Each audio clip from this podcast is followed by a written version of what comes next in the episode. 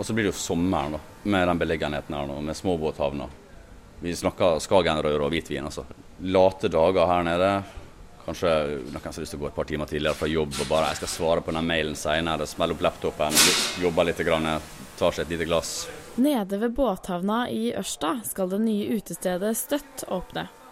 Daglig leder Torje Aambø forteller om hva han ser for seg når dørene åpner en gang rundt påsketider. Vi har lyst å bli en plass som folk bruker. Uh, enten du er 18 og kaffetørst og å jobbe med leksene dine og spille PlayStation med en kompis, eller shuffleboard med en venn, eller være på bluesklubb med 50 år gamle folk som kommer her og skal ha jam på en søndag, eller en litt sånn møtested, å skape et møtested da, i Jørstad. Eh, på dagtid så vil jeg ha litt sånn uh, Friends-stemning i kafeen på Central Perk med en god sofa, sitte i en vennegruppe og skitsnakk.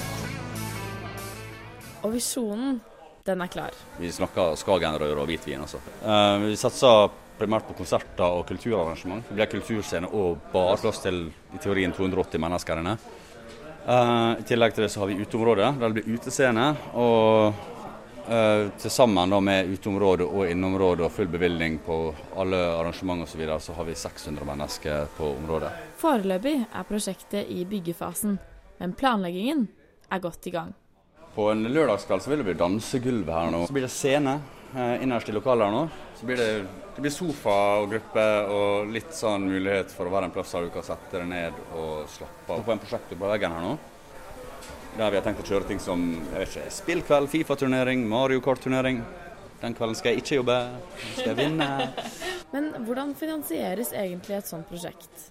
Har vært heldig. Vi har eh, to eh, ideelle organisasjoner som står bak. Det er Musikk i sentrum og Brått og blått. Og vi har fått mye hjelp fra lokale næringslivet, bankene, fra støtteordninger som er kommuner.